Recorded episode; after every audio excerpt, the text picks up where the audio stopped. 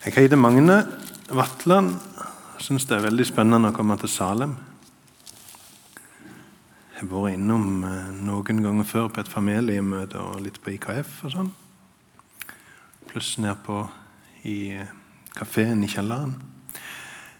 Dette er mitt første møte med, med dere på, som kommer her på lørdagskvelden.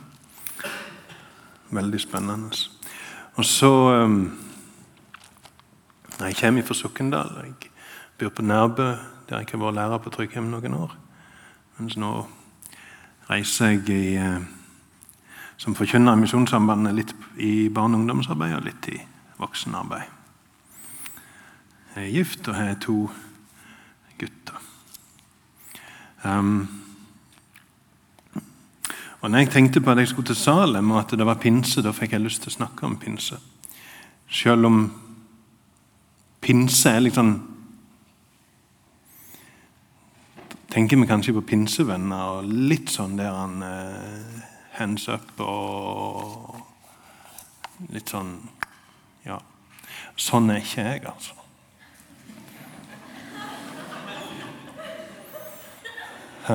Nå sitter det noen i salen sikkert som kjenner meg og vet veldig godt at sånn er ikke jeg. Men, men uh, pinse, altså. Pinse har stått før meg som en sånn, litt sånn uforståelig ting. Hva er pinse for noe?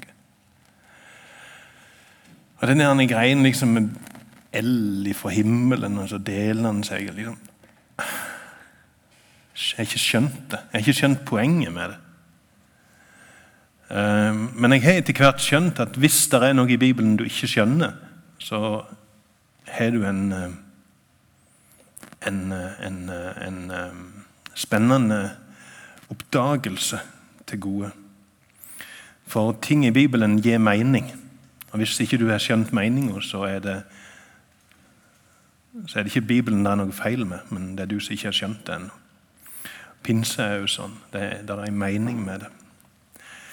Um, og alle disse høgtidene, alle de kristne høgtidene, jul, påske, pinse Når en begynner å liksom, stoppe opp og tenke hva det er for noen ting, så er det bare helt, helt vanvittig. Jul er vanvittig når en begynner å tenke over det. At Gud som har skapt verden, blir en baby i en stall i Betlehem. Det er helt vanvittig. Og Hvis vi ikke syns det er vanvittig, så vet vi ikke hvem Gud er. Antagelig. Eller vi har ikke tenkt nøye nok over det. Påske bare tar han ett hakk lenger, altså. Han som har blitt en baby nå henger han på et kors. Det er helt Så skal jeg fylle opp tradisjonen her med engelske uttrykk. Det er mind-blowing. Når du begynner å tenke over det, det er mind-blowing. altså. Helt vanvittig. Og pinse kommer i samme tradisjon. Mind-blowing når du begynner å tenke over hva det er for noen ting. Helt vanvittig. Og det er så stort at det fortjener både en helligdag, ei helg og, og, det, og, en, og en eh, ekstra helligdag på, på, mandag. Vi kaller det kanskje en ekstra fridag, men det er en ekstra helligdag. For det er så svært at det er ikke nok å feire det på søndag. Vi må liksom ha én dag til for å markere. Det er pinse, folkens.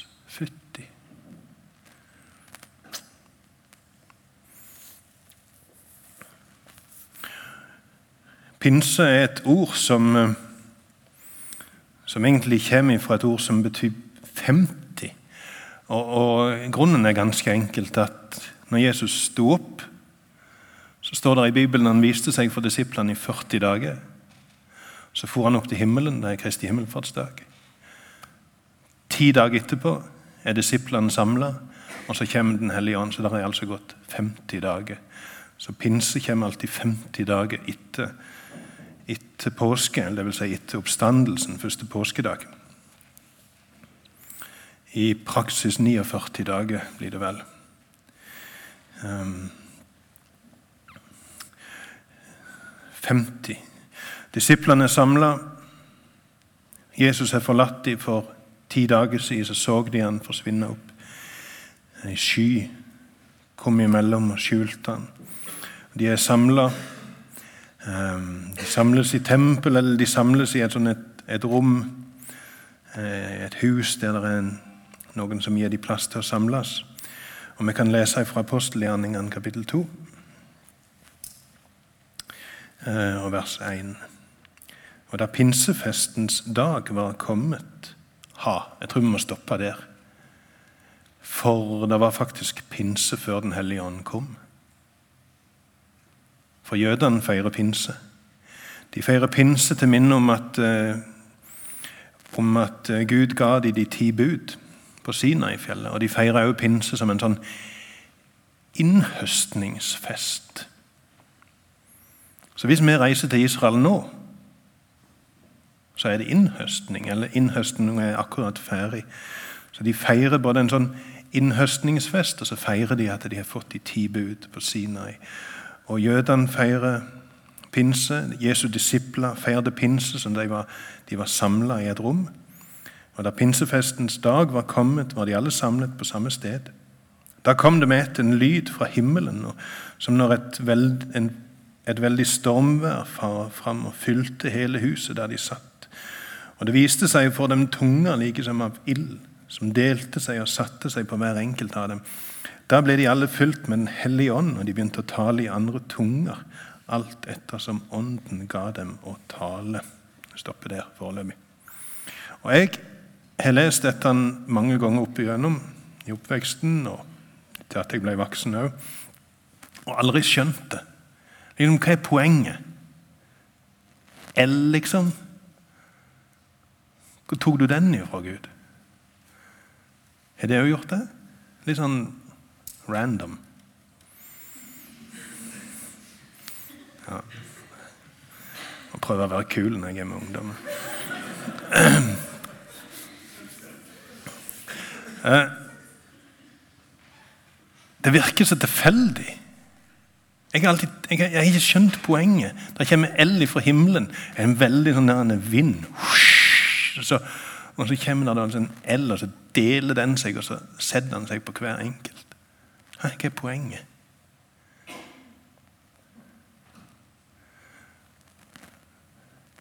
Men når en begynner å se etter hva er L for noen ting?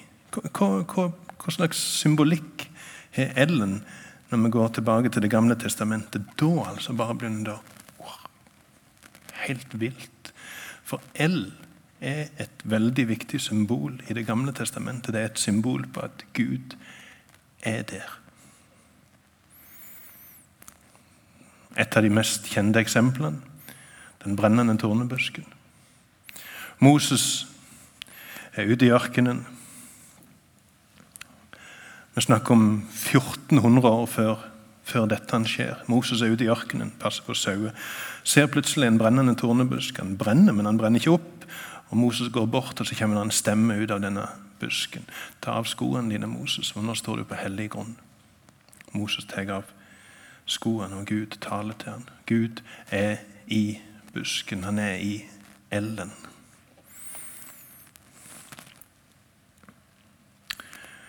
Um, et annet kjent eksempel For Moses har gått etter at han har snakket med Gud og fått en, en, en sånn beskjed av Gud at nå går du tilbake til Egypt, og så, og så skal du lede folket mitt ut fra slavekår i Egypt. De er de var slaver der under farao.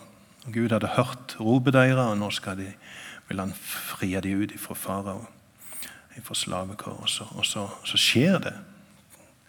Vi får ti sånne landeplager som Gud bruker for å tvinge farao til å gi slippe Israelsfolket.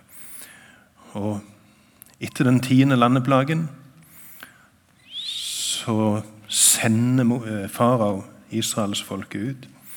Og så leser vi at Gud gikk føre dem i form av ei skystøtte om dagen og ei eldsøyle om natta. Han gjenger føre dem. Han er der. Han leder dem. Når den eldsøyla stopper, da stopper folk, og så slår de leir. Når den løfter seg opp og begynner å bevege seg, så skjønner folk nå skal vi gå. Gud har bestemt det. Gud går. Vi følger. Så de bryter leir og følger etter. Og Det fins flere andre. Elia, Profeten Elia på Karmelfjellet i en duell med avgudsprofeter eller avgudsprester som dyrka en avgud som heter Bal. Og Bal var kjent for at han kunne sende eld ifra himmelen. Egentlig så var det bare et triks. da. De hadde en liten flamme nede i altaret. Og Nesten bare vente lenge nok, så begynner den å sette fyr på, på veden som ligger på altaret, og så begynner det å brenne. og så, wow, Se hva Bal kan gjøre. Og Elia kaller de opp på Karmelfjellet, og så skal de ha en, en duell. Men uh, i og med at de må bygge, bygge alteret der og da, så får de ikke anledning til å plassere den lille flammen nede i alteret. Så trikset deres virker ikke, så ber de forgjeves, disse avgudsprestene. 400 var de. Ber forgjeves. Det kommer ikke noe eld fra himmelen. Og Når det er Elias sin tur, så dynker han alteret med massevis av vann. For at det skal ikke være noen som helst tvil. Her er det ikke noe juks på ferde. Og så ber han en enkel bønn, og så bare husk, kommer det eld fra himmelen og bare brenner opp. Og det oksen og veden og steinene og vannet og alt. Gud var der.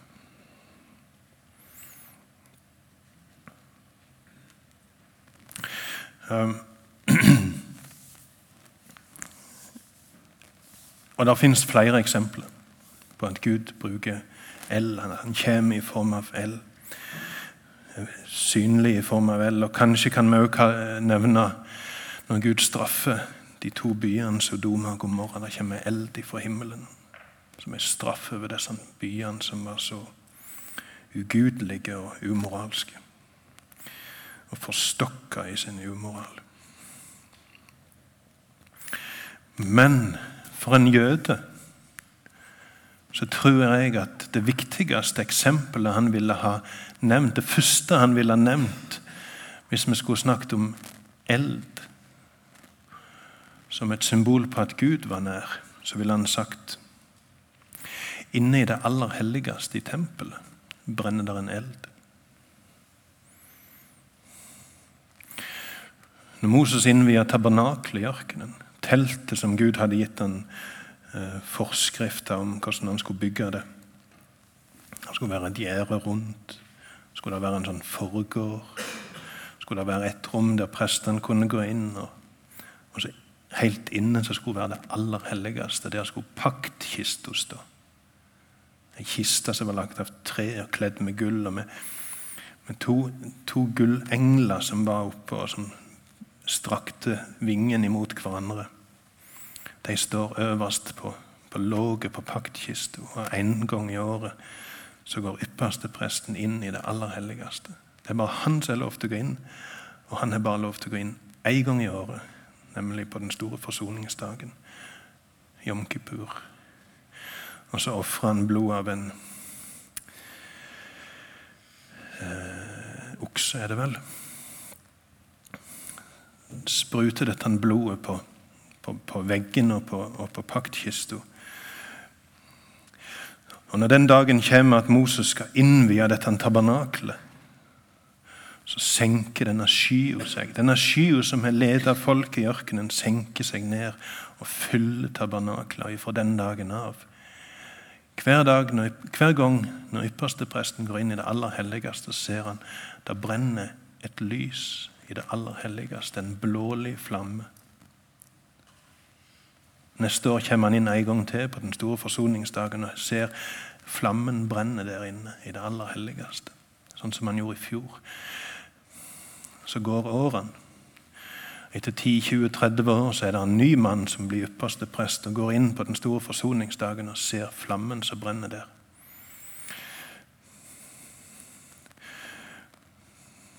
Etter en del hundre år bygge Salomo sitt tempel.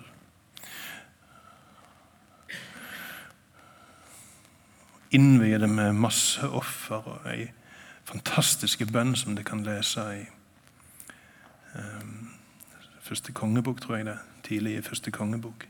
Ei fantastiske bønn der han innvier dette tempelet. Jorda er for liten til deg, Gud, til at den kan romme deg. Og så skulle du da kunne bo i dette tempelet som jeg har bygd, men Gud sier ja, jeg skal bo her. Og så fyller Guds herlighet tempelet. Og Fra den dagen av, når ypperste presten går inn i det aller helligste en gang i året, så ser han der brenne en blålig flamme inne i det aller helligste. Og De kaller den flammen for shikina. Guds nærvær. Så hva er det som skjer på pinse? Jo, det kommer en flamme fra himmelen når han deler seg og setter seg på hver enkelt av de kristne. Og det er helt fantastisk. Helt fantastisk.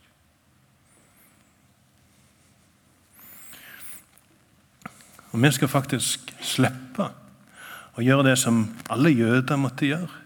Eller iallfall som de ønsket å gjøre. Nemlig å reise til Jerusalem, til tempelet der Gud bodde. Eller sånn som muslimer gjør. Å prøve febrilsk en eller annen, minst én gang i livet å få komme seg til Mekka, den aller helligste plassen. Du skal slippe det.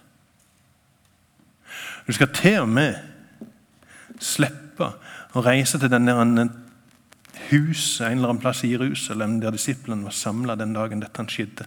For flammen den kom ifra himmelen, og så delte han seg. Han ble ikke i det huset, men han delte seg og satte seg på hver enkelt av de kristne. Gud vil bo i deg. Det, det er mind-blowing, altså. Og hvis vi begynner å se nærmere på det, så, så tar det enda mer av, syns jeg. Um, vinden er ikke tilfeldig, den heller. For uh, jeg har lest at Jeg kan ikke hebraisk, men jeg har lest at vind, pust, ånd Det er det samme ordet. Så når det kommer en vind,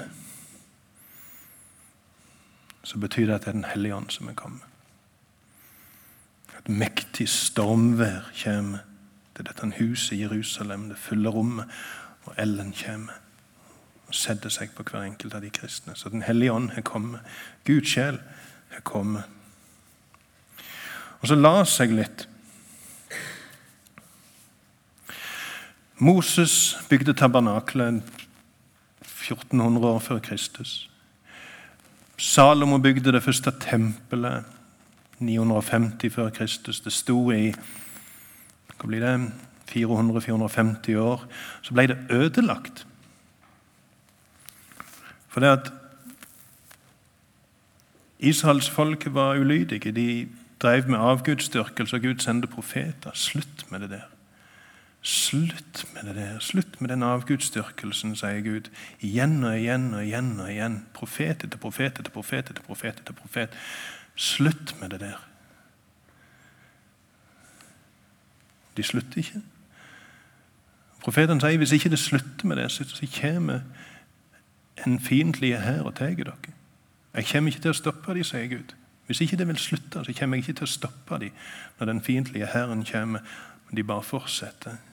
587 så kommer hæren fra Babylon, ødelegger Jerusalem, ødelegger tempelet og fører folket i fangenskap til Babylon. Så er de der i 70 år. Så får de vende hjem igjen og så bygger de opp igjen tempelet. Um, Ca. 500 år før Kristus. Og Det tempelet, når det har stått i nesten 500 år, så er det en konge som heter Herodes, som tenker nå skal jeg gjøre noe kult. Nå skal jeg virkelig vinne hjertene til jødene. Jeg skal, jeg skal fikse litt på det tempelet der. Og Herodes var en sånn en som ikke kunne begrense seg. Så når han skulle fikse litt på tempelet, så gjorde han det til gagns. Han lagde et tempelplatå. Hvor stort var det, da? Hvis de kan forestille dere en internasjonal fotballbane, så ganger det det med 16, så får det størrelsen på det platået som han bygger.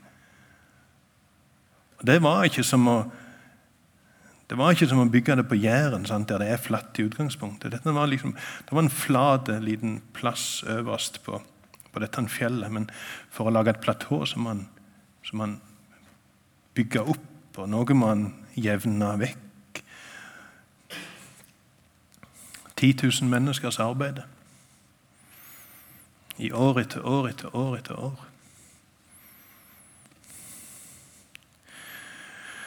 En plass som er 300 ganger 500 meter. En mur, en støttemur rundt dette platået som er en fem meter tjukke mur. 45 meter høy mur med steiner. Den største steinen er 12 ganger 3 meter. Klarer dere å forestille dere en stein som er 12 ganger 3 meter? Det er omtrent som derifra til Dyrte. Og Den steinen fikk de på plass i ei tid der det ikke fantes hydrauliske kraner. Der fantes det ikke motorer. Det eneste de hadde, det var sine egne muskler. Tre og tau. Og Så får de på plass en stein som er tolv ganger tre meter. Noen vanvittige steiner. Det er helt, det er helt uforståelig hvordan han kunne gjøre det.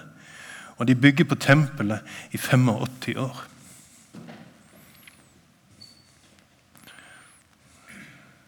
Noen steiner vog 600 tonn. De fleste vog sånn ca. 28 tonn.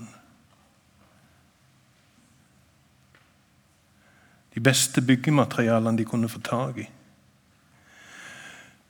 Enormt svært. Salomos tempel var omtrent som ei landsens kirke på størrelse. Salom, nei, Herodes i tempel var et av de største byggverkene i det første århundret. I den tiden når, når Roma var på, omtrent på høgden av sin makt, så bygger Herodes et av de største byggverkene i verden. Tempelet i Jerusalem. Og Når du kom over Oljeberg og så dette framfor deg, den hvite marmoren, enorme proporsjoner, 45-50 meter høye mur, og det glitrer av, av av gull i dette tempelet. Landet sin stolthet, Herodes sin stolthet. Og vet du hva som var i det aller helligste? Innerst inne i det aller helligste, i det tempelet som Herodes bygde på i 85 år med 10 000 arbeidere, under ledelse av 1000 prester med 1000 kjøretøy. Vet du hva som var i det aller helligste? Ingenting. Det var tomt. For når Herren fra Babylon kom og ødela tempelet, så forsvant paktkista. Og når ypperste presten gikk inn i Herodes sitt tempel, inn i det aller helligste, en gang i året, på Jom Kippur, den store forsoningsdagen, så så han der brenner ingen blå flamme i det aller helligste. Det er tomt.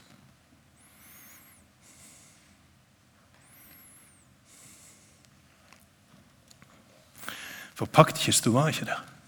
Paktkista der, der ypperste presten skulle, skulle stenke dette blodet og gjøre soning for folket. Og dermed så blir det enda større.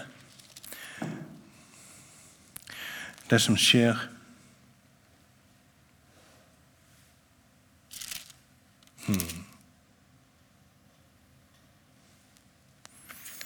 Nå skulle jeg lese noe. Hvor sto det? Der, ja. Når Paulus sitter og skriver brevet sitt til romerne, så skriver han at Gud stilte Jesus til skue i hans blod. Romerne 3,25. Ham stilte Gud til skue i hans blod som en nådestol ved troen. En nådestol ved troen. Det er jo et, sånt, et vers som jeg aldri har skjønt. Det høres utrolig merkelig Hva er, hva er en nådestol, liksom? Er noen av dere som er en nådestol? Helt til jeg skjønner at nådestol er et, et ord som sikter til låget på paktkista. Jesus er soningsplassen. Han er det der låget på paktkista der, der det blir gjort der det blir ofra, der det blir gjort soning for folkets synd. Og når han er på plass, så kan Den hellige ånd komme. Tok det den? Herodes sitt tempel var utrolig mye flottere og finere og mer prangende enn Salomo sitt, men Herodes sitt tempel var tomt, for det var ikke noen nådestol der. Gud han ville bo i tabernaklet, et telt, når nådestolen var på plass. Han vil bo i Salomos sitt tempel når nådestolen har blitt flytta inn i det aller helligste og står der. Da vil Gud komme og bo der. Um, men han kommer ikke og bor i, sal, i, i Herodes sitt tempel om det var aldri så flott. For nådestolen var ikke der. Men Jesus han kom, han gjorde soning. Han ofra seg sjøl som et offer, som et, tok straffa for alt det dumme vi har gjort. Synd og ulydigheten vår imot Gud. Og så er han en sånn nådestol, og når den er på plass i hjertet vårt, og vi er tatt imot den Jesus, det er ikke bare det at du er en frelser, men du er min frelser. Jeg vil at du skal være min frelser, for jeg trenger deg. Så vil Gud komme. Der, i det hjertet, har jeg lyst til å bo. Og Så kan du prøve å sammenligne deg sjøl. Sammenligne deg sjøl med Herodes sitt tempel, som, som 10 000 mann arbeider med i 85 år. Fantastisk marmor. Enorme proporsjoner. Utrolig utsøkt og, og, og gjennomført i alle detaljer. Tomt. Men han vil bo i hjertet ditt. Er det mind-blowing, folkens? Jeg syns det er helt vanvittig. Han vil bo i hjertet ditt. Gud i himmelen vil bo i hjertet ditt. Helt vanvittig.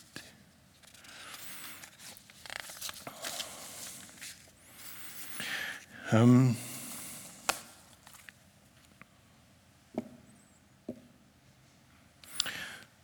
så han kommer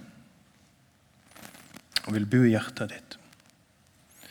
Han blir sammenlignet med en eld. Og jeg, eh, jeg, leser noe her en dag. Jeg, jeg leser av og til noen gamle bøker. Jeg las en bok som var så gammel at forfatteren var mer fortrolig med dampskip enn med enn med, med vanlige motorer. Så han skildrer, han hadde sett et sånt dampskip. Det er sitt bilde av Niagarafallene. sant? Tenk dere et dampskip som liksom prøver å liksom arbeide seg imot strømmen, nærmere og nærmere Niagarafallene, opp der for at turister kan komme og se denne fossen. Og, og, strømmen bare fosser forbi denne båten, som standhaftig arbeider seg opp imot strømmen, nærmere og nærmere der som fossen kommer ned. Og Så spør han forfatteren hvordan går det an Hvordan går det an å arbeide seg imot strømmen på den måten? Jau, sier han, det er en brann inni den båten. Og tvinger han framover, driver han framover. Har du en sånn brann inni deg? Som driver deg fram imot strømmen, som gjør at du klarer å få framdrift og holde det gående selv om alt rundt deg vil noe annet. Så er du en brann inni deg som driver deg framover. Sånn kan Den hellige ånd arbeide. Han er kommet for å overbevise verden om synd og om dom og om nåde. Han er kommet for å forklare deg hvordan Gud er. Åpne øynene dine og tankene dine og hjertet ditt når du leser Bibelen eller hører en andakt. Og Han er kommet for å utruste deg til tjeneste, sånn at du kan være med og fortelle andre om Jesus. Vil du det?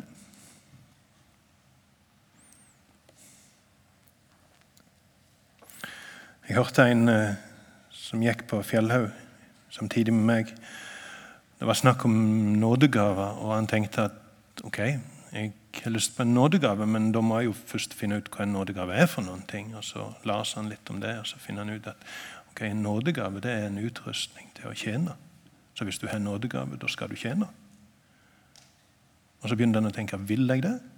Vil jeg ha en nådegave? En nådegave er liksom ikke noe vi bare får for å skryte av det, men det er noe vi får for å bruke det. Til glede for andre. Vil jeg det egentlig?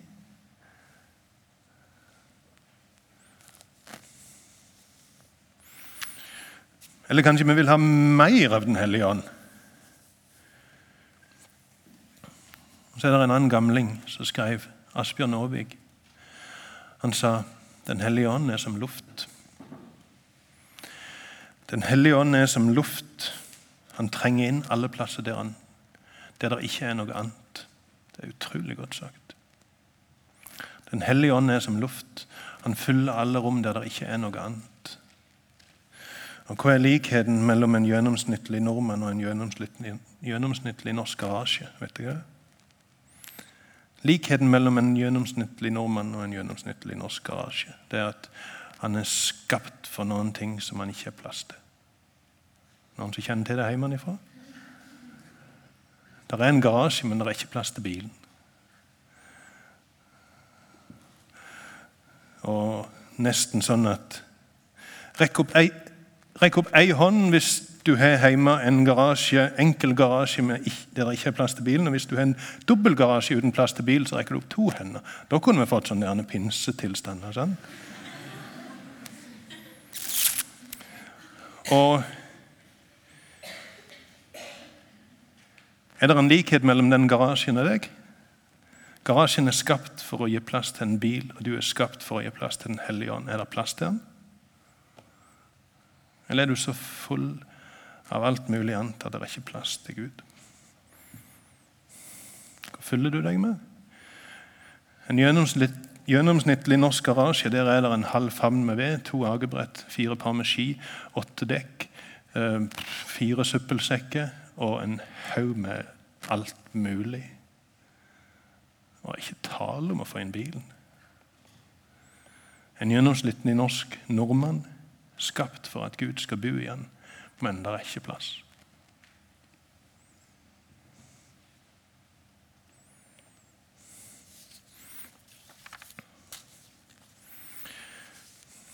Eller Den hellige ånd er som lys. Han skinner inn i alle rom der døra blir åpna.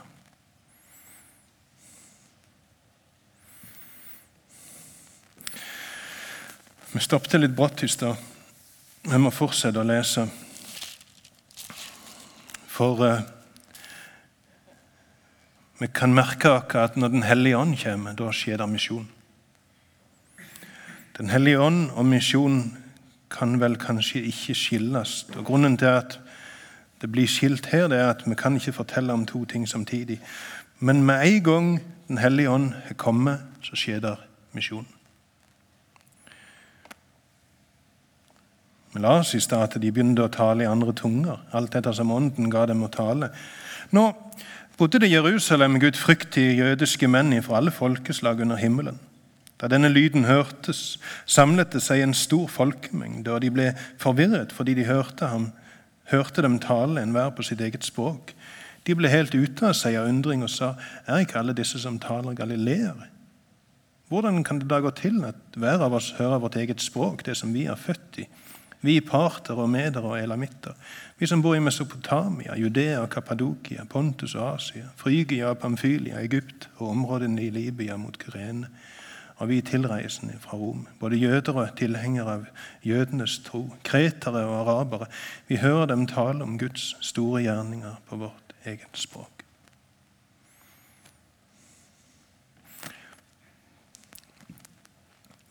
Og Så kjøpte jeg en studiebibel for noen år siden, og der hadde de gjort noe kult. For hvis du, hvis du tegner ei linje Fra Jerusalem til hver av disse plassene som er nevnt her, så, så ser du et veldig spennende mønster. Um, og Det handler om at evangeliet skal til alle verdens hjørner. Til alle retninger, alle plasser i verden skal det til. Fra Jerusalem skal evangeliet til Partia, Nord-Irak. Det skal til Skal vi se hvem er henne.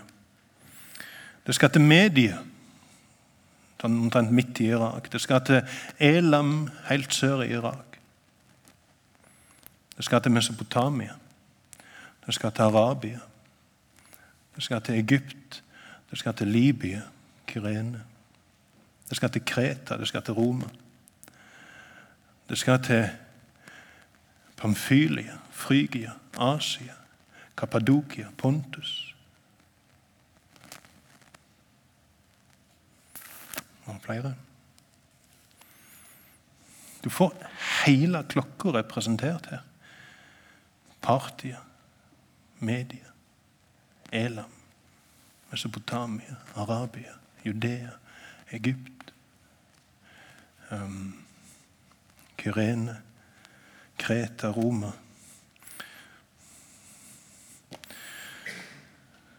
Som et vitnesbyrd om at Den hellige ånd kommer, og folk begynner å fortelle om Guds store gjerninger på et språk som de forstår.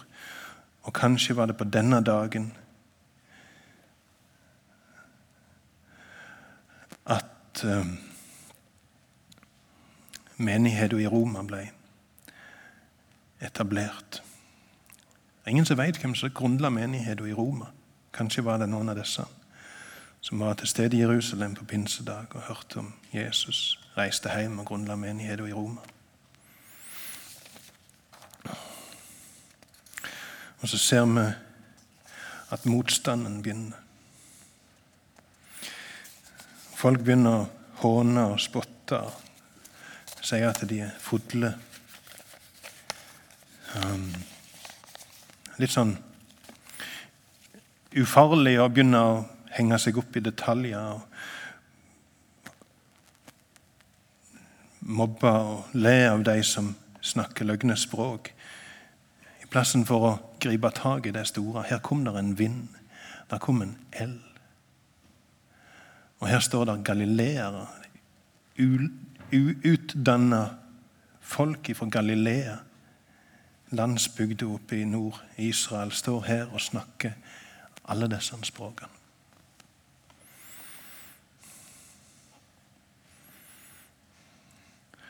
Og så reiser Peter seg.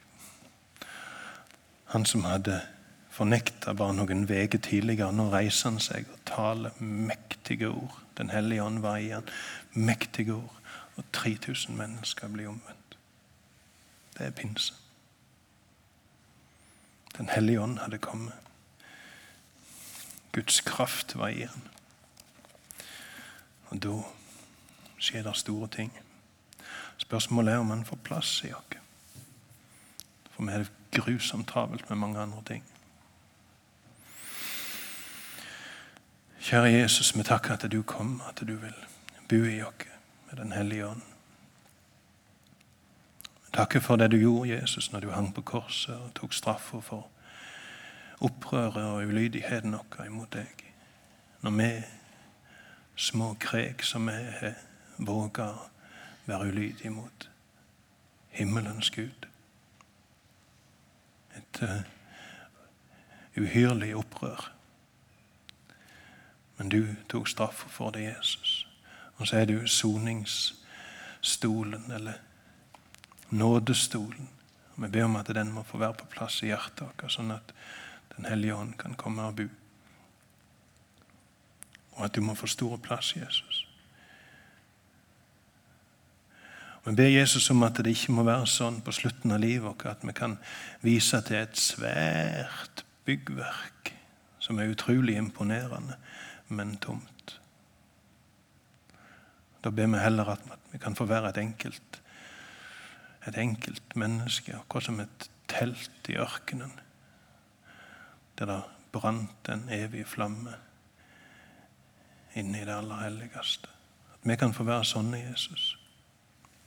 Mennesker som du vil bo i, og som du vil virke gjennom, som du vil tale gjennom. At du vil bruke hendene og føde våre til å gjøre godt imot andre mennesker og være et vitnesbyrd om deg.